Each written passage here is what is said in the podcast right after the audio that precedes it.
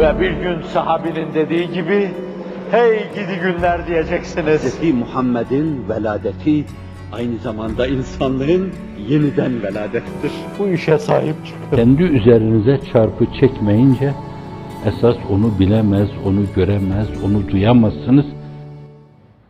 Milletimiz tarihte hakikaten ibret alınacak, ibret levhaları sergilemiş, ibret takdir meşerleri sergilemiş mübarek bir millettir.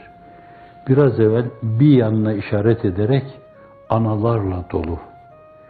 Yani bir yönüyle şefkatin buhur buhur, bir buhurdanlıkta püyür püyür yukarıya doğru yükseldiği mübarek bir ülke. Değişik vesilelerle arz ettiğim gibi Kambenallah Güneş Devleti Ütopyasını yazdığı zaman devleti Aliye'den haberdar oluyor. Ben beyhude bir şeyin çerçevesini çizmeye çalışmışım diyor. Meğer bir yerde bu yaşanıyormuş. Öyle mübarek bir şey. Belli bir dönemde mübarek insanlarıyla, kadınıyla, erkeğiyle, genciyle, ihtiyarıyla böyle güzellikler meşeri, imrendiren bir ülke.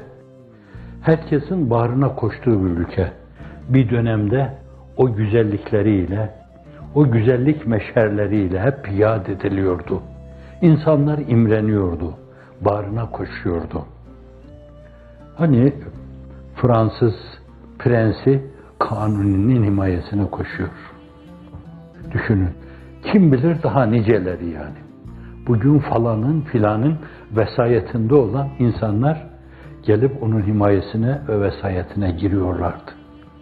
Ve kocaman bir ülkede bağışlayın muhasele ve muhabere imkanları atın katırın sırtında yapılıyordu. Bir yerden bir yere problemi halletmek için gitmek istediğiniz zaman aylar alıyordu. Evet, böyle bir örnek olmuştu. Şimdi ise en kötü örnek. Problemler sarmalı içinde. Her taraftan bakınca zannediyorum insanlar manen istifra eder, edesileri geliyor yani. O biraz evvel resmini vermeye çalıştım ama o resmi benden beklemeyin yani. O gün yaşananları Picasso'ya verseydiniz, bir resim çizseydi, Şecere-i Numaniye'de Muhiddin İbn Arabi Hazretlerinin dediği gibi Raşid halifeler ve Osmanlı Devleti çıkardı. Tecrit mülahazasıyla öyle bir şey çıkardı. Ve herkesin bağışlayın ağzının suyu akardı. Şimdi midedeki potansiyel istifra ülkeye karşı, insanımıza karşı ve bunu biz bize karşı bir saygısızlık olarak alıyoruz. Benim milletim böyle bir saygısızlığa maruz kalmamalıydı. Ama gel gör ki o milletin direkşan çehresini kirlettiler. Mide bulandırıcı hale getirdiler. Öyle ki ülkeyi kirletmekle kalmadılar. Dünyanın değişik yerlerinde esasen geçmişten tevarüs eden güzelliklerin meşherlerini hazırlayan insanların bile yaptıklarını yıkmak için, yani mabetlere dinamit koymak için seferber oldular. Burada bir yalancıya bağışlayın, 500 bin dolar verdiler. Birine okulları kapattırmak için her ay 500 bin dolar verdiler. Tek bu yapılan şeyler yıkılsın diye. Neden biraz evvel arz ettim? Haset, küfrün yaptırtmadığını yaptırtıyor insanlara. Bakın değişik yerlerde Allah'a inanmayan ateistler var, deistler var, pozitivistler var, naturalistler var, varoğlu var. Fakat hiçbiri bu şenaate, bu denaate teşebbüs etmiyor. Ve genel manzara bu Türkiye'de. Ülkemizde adalet sistemi mefluç. Mefluç değil bu. Yoğun bakımda adalet sistemi. Yoğun bakıma alınmış. Oksijenle dıştan onları oksijen üflemek suretiyle acaba kaç gün daha yaşatabiliriz öyle filan.